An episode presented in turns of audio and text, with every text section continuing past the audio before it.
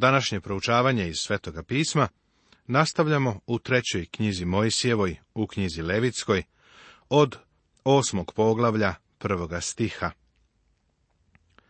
Poziv da zbor bude svedok obreda. I reče gospod Mojsiju govoreći, uzmi Arona i sinove njegove s njim i odelo i ulje pomazanja i tele za žrtvu radi greha i dva ovna i kotaricu presnih hlebova. I saberi sav narod pred vrata šatoru od sastanka. Mojsiju je zapoveđeno da pred vrata šatora od sastanka dovede Arona i njegove sinove, sa svim stvarima koje će se koristiti u posvećenju sveštenika. Ovo nekako deluje kao spisak za dućan, ali svaka spomenuta stvar je značajna. Zatim treba da sakupi zbor, da bi zbor bio svedok rituala posvećenja sveštenika. Ovo je trebalo da bude veoma impresivna služba. Oni će vidjeti da Bog uzima slabe ljude i odvaja ih za svoju službu. Prosto bih na sve ovo rekao aleluja, jer to znači da će on ovo učiniti i meni i tebi. Zakon na ime postavlja slabe ljude za prvosveštenike, a reč zakletve date posle zakona sina koji je doveka savršen, kaže se u poslanici Jevrejima u sedmom poglavlju u 28. stihu. Hristos je stvarno bio posvećen. Čudesno je to da će Bog prihvatiti ljude sa slabostima. Da je On zahtevao savršenstvo, mi bismo bili izostavljeni. Hvala Bogu, onove ljude uzima onakve kakvi su, slabi i nejaki. I učini Mojsije kako mu zapovedi gospod. I sabra se zbor pred vrata šatoru sastanka. I reče Mojsije zboru, ovo je zapovedio gospod da se učini. Mojsije čini ono što mu je zapoveđeno. Narod je također bio poslušan i okupio se na službu. Mojsije objašnjava da u svemu što radi sledi Božja uputstva. Očišćenje Arona i njegovih sinova i dovede Mojsije Arona i sinove njegove i opra ih vodom. Mojsije dovodi Arona i njegove sinove do umivaonika. Kupao ih je, ako možemo tako da kažemo. Ovo pokazuje da treba da budu sveti, čisti i oprani, ako žele da služe gospodu.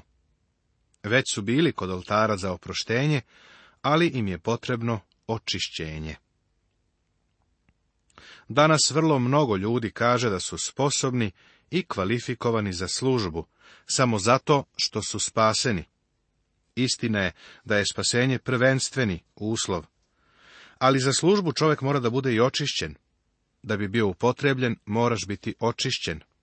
Poslušaj ove stihove iz Svetog pisma. Spasao nas je ne na osnovu dela, koja smo mi učinili u pravednosti, nego po svojoj milosti, banjom koja preporađa i obnavlja duhom svetim. Poslanica Titu, treće poglavlje, peti stih. Pristupajmo s istinitim srcem u punoj veri, očišćeni u srcima od zle savesti i oprana tela čistom vodom. Poslanica Evrejima, deseto poglavlje, 22. stih. Da je posveti, očistivši je vodenim kupanjem i rečju, kaže poslanica Efesima u petom poglavlju, 26. stih. Reče mu Isus, okupa nam je treba oprati samo noge, pošto je sav čist. I vi ste čisti, ali ne svi, kaže se u Evanđelju po Jovanu u 13. poglavlju u 10. stihu. Ako ispovedamo svoje grehe, on je veran i pravedan, da nam oprosti grehe i očisti nas od svake nepravednosti, kaže prva poslanica Jovanova, prvo poglavlje, deveti stih. Duh sveti nas tokom našeg života obnavlja, ali nam je potrebno očišćenje od gospoda. Čime nas on čisti? Šta je njegovo sredstvo očišćenja? Reč gospodnja. To nas čisti. Gospod je rekao da njegovi učenici treba da se operu, jer su im stopala bila prljava. Svi oni su se oprali. To znači da su svi bili spaseni, osim jude. Ali i dalje im je bilo potrebno pranje nogu, da bi mogli da imaju zajedništvo sa Isusom. Ovo se odnosi na službu. Kako postižemo to pranje? Priznanjem da nam je oprošteno i da smo očišćeni. Da li želiš da te Bogu potrebi? Onda priznaj svoje grehe, dragi hrišćaninu. To je prvi korak. To je božji put. To je njegova zapovest. Mi moramo ili na njegov način da radimo, ili nismo u službi. On ima svoj način na koji sve radi, pa te načine treba da savladamo i poslušamo. Odevanje prvosveštenika I obuče mu košulju, i opasa ga pojasom, i ogrnu ga plaštem, i metnu mu svrh njega oplećak, i steže oko njega pojas od oplećka, i opasa ga njim. Odeća prvosveštenika je slika našeg velikog prvosveštenika, u svoj njegovoj izuzetnoj blagodati i slavi. Svaki deo odeće ima neku simboliku. Prvosveštenik je nosio osam delova odeće. Četiri su bila ista ili slična onima koje su nosili svi sveštenici. Četiri dela odeće su bila specifična za njega i odvajala su ga od ostalih sveštenika. Bila je to odora za slavu i krasotu. Četiri odevna predmeta, koja su bila zajednička svim sveštenicima, su sledeća. Košulja, pojas, kapa i gaće. Sve ovo je bilo načinjeno od lana, sa izuzetkom kape. Beli lan govori o pravednosti. Svaki vernik je odenut u Hristovu pravednost. Za službu je neophodno biti tako odenut, a biti opasan je potrebno za aktivnu poslušnost košulja i pojas koji se spominju u ovom stihu su osnovni delovi odeće koje su svi sveštenici nosili. Ta odeća je detaljno opisana u knjizi izlaska u 28. poglavlju, u drugoj knjizi Mojsijevoj svetoga pisma Starog zaveta. I metnu nanj naprsnik, a na naprsnik metnu urim i tumim. Naprsnik je također opisan u drugoj knjizi Mojsijevoj. Urim i Tumim su bili umetnuti u naprsnik. Urim znači svetlost, a Tumim znači savršenstvo, pa je to bilo svetlost i savršenstvo. Ne znam tačno kako su oni funkcionisali. Neki misle da su se odnosili na zakon i da je možda zakon bio napisan na kamenju. U psalmu 19. se spominje Zakon je gospodnji savršen, savršenstvo je tumim, krepi dušu, svedočanstvo je gospodnje verno, daje mudrost neveštome. Naredbe su gospodnje pravedne, vesele srce. Zapovest je gospodnja svetla, a svetlost je umim. Prosvetljuje oči. Očigledno je da su se Urim i Tumim odnosili na određivanje Božije volje. Ovo možemo i duhovno primijeniti. I nama danas je potrebna Božija reč, kao i Božije voćstvo, da bismo u našem životu odredili Božju volju. Još mu metnu kapu na glavu i na klap i na kapu metnu spred ploču zlatnu, krunu svetu, kao što zapovedi gospod Mojsiju. Na kapi prvosveštenika je bila zlatna kruna, opisana u drugoj knjizi Mojsijevoj 28. poglavlju. Sjeti se da je na njoj bilo ispisano svetinja gospodu. Ovi odevni predmeti pravili su razliku između prvosveštenika i ostalih sveštenika. Pokazivali su slavu i lepotu velikog prvosveštenika, koji je umro ovde dole, da bi nas spasao, a sad živi tamo gore. Bogu s desne strane, da bi očuvao naše spasenje. Ako smo dakle mi, kao njegovi neprijatelji, izmireni s Bogom smrću njegovoga sina, onda ćemo još pre biti spaseni njegovim životom, pošto smo izmireni, kaže se u poslanici Rimljanima u petom poglavlju deseti stih. Živećete zato što ja živim, kaže evanđelje po Jovanu u 14. poglavlju, 19. stih. Aronovi sinovi su stajali pored Arona, obučeni u jednostavan lan. Ovo je slika našeg velikog prvosveštenika, sa mnogim sinovima koji su okupljeni oko njega i koji su obučeni u njegovu pravdu. Jer je dolikovalo njemu, za koga je sve i kroz koga je sve, pošto je mnoge sinove doveo u slavu, da stradanjima učini savršenim začetnika njihovoga spasenja. Hristu dolazimo kao izgubljeni grešnici, a On nas prekriva svojom pravdom. Sveštenik je na svakom ramenu nosio kamenje sa po šest imena od dvanaest plemena Izraelovih. Na svakom od dvanaest kamenova na naprsniku je bilo ime po jednog plemena. Jedan kamen jedno pleme. Prvosveštenik je na svojim ramenima i na svom srcu nosio izraelski narod. Rame ukazuje na snagu, a srce govori o ljubavi. Posvećenje prvosveštenika I uze Mojsije ulje pomazanja i pomaza šator i sve stvari u njemu i osveti ih. Šator od sastanka i svi sudovi za službu bili su prskani. Sada se pomazuju uljem. Već su bili iskupljeni i očišćeni krvlju. Sada su pomazani uljem koje simboliše duha svetoga. Tako je duh sveti slobodan da se kreće i deluje na molitvi i prisluženju u šatoru. Bog je duh i koji mu se mole, treba da se mole u duhu i istini, kaže su evanđelju po Jovanu u četvrtom poglavlju, u 24. stihu.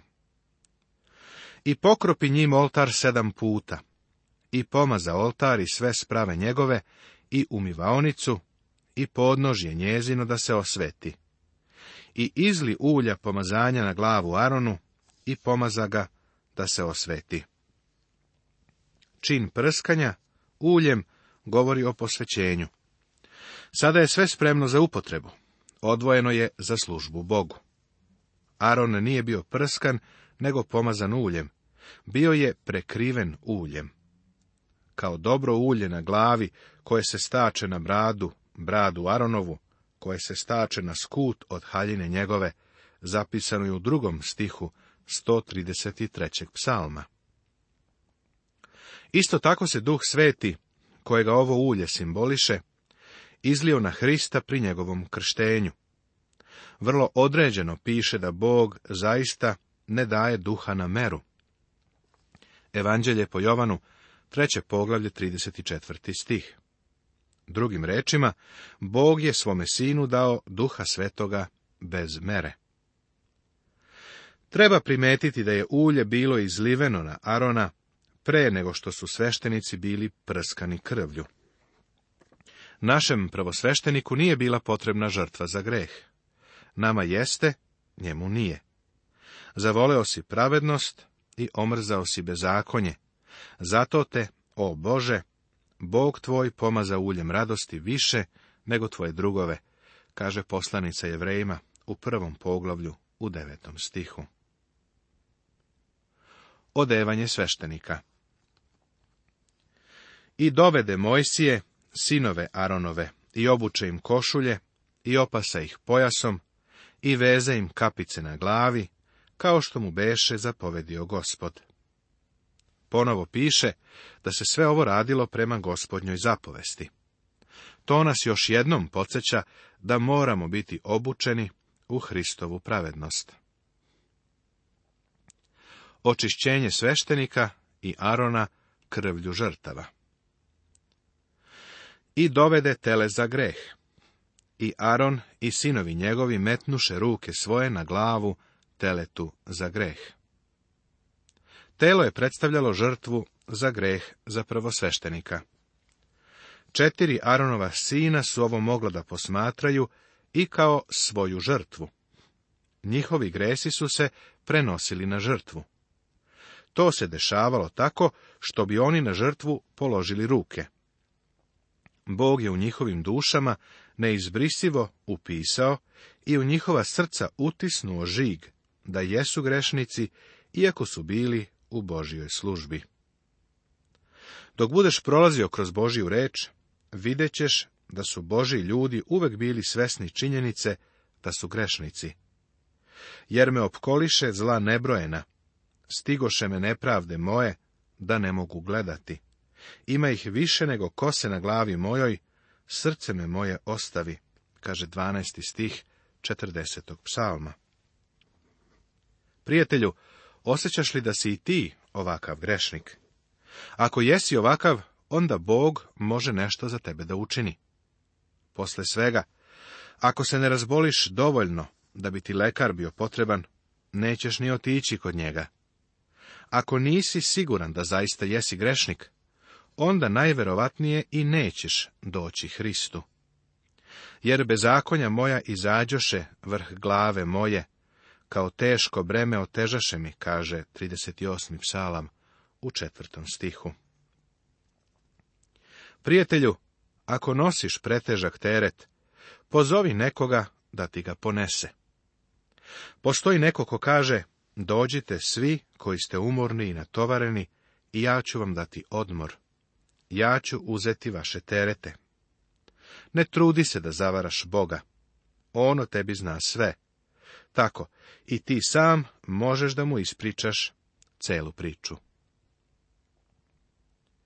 I zakla ga Mojsije, i uzevši krvi njegove, pomaza rogove oltaru unaokolo prstom svojim, i očisti oltar, a ostalu krv izli na podnožje oltaru, i osveti ga, da se na njemu čini očišćenje od greha. I uze sve salo što je na crevima, i mrežicu sjetre, i oba bubrega, i salo oko njih, i zapali Mojsije na oltaru. A tele s kožom i s mesom i balegom spali ognjem iza okola, kao što beše gospod zapovedio Mojsiju. Ovaj ritual je besmislen ukoliko ne shvatimo duhovnu poruku oni rade isto što i pri obredu za žrtvu za greh. Sa tim izuzetkom da se krv pomazuje po rogovima oltara od bronze, a ne ide se do zlatnog oltara. Čak i oltar koji se koristio za žrtve, koje su se klale, morao je da bude posvećen krvlju. Ovo treba da nas podsjeća da u drvetu krsta nije vrednost. Mnogo ljudi danas smatra da u samom krstu ima neke vrednosti i zasluge u samom krstu nema vrednosti. Vrednosti zasluga je u onome koji je tamo prolio svoju krv. Iako je on radi nas učinjen grehom, ipak nije bio isprljan grehom. Nije se ukaljao grehom. Bio je učinjen grehom, a ipak je bio i odvojen od grešnika. Ponovo zapažamo da se sve ovo radilo po Božjoj zapovesti. I dovede ovna za žrtvu paljenicu. I Aron i sinovi njegovi metnuše ruke svoje na glavu ovnu. I zaklaga Mojsije, i pokropi krvlju njegovom oltar ozgo okolo. I isekavši ovna na delove, zapali Mojsije glavu i delove i salo. I creva i noge opra vodom, i tako spali Mojsije svega ovna na oltaru. I bi žrtva paljenica za ugodni miris, žrtva ognjena gospodu, kao što beše gospod zapovedio Mojsiju. Sada sprovode obred prinošenja žrtve paljenice. Žrtva paljenica je sledila princip žrtve za greh. Nemoguće je pojmiti lepotu i zaslugu Hrista, sve dok se ne reši pitanje greha, na način koji je za Boga zadovoljavajući žrtva za greh predstavlja ono što je Hristos učinio za nas na krstu. Žrtva paljenica predstavlja njega. Ko je on? Nikada ga zaista nećeš upoznati, ukoliko mu prvo ne dođeš da te spase i ukoliko ga ne prihvatiš kao svoju zamenu za greh. On je platio kaznu za tvoj greh. Ovo je od prvenstvene važnosti. U stvari, Zajedništvo u Novom Zavetu znači da sa Hristom deliš ono što je njegovo. Sami oni koji su krvlju otkupljeni vernici mogu to postići. Sveštenici su trebali da uđu unutra da bi vidjeli lepote toga mesta, jer s polja nije bilo naročito lepo. Isto tako, svet koji ne veruje, ne vidi Hristovu lepotu pa ga odbacuje. Ali Božje dete u njemu pronalazi svakoga dana novu slavu i lepotu. Nastavit će se.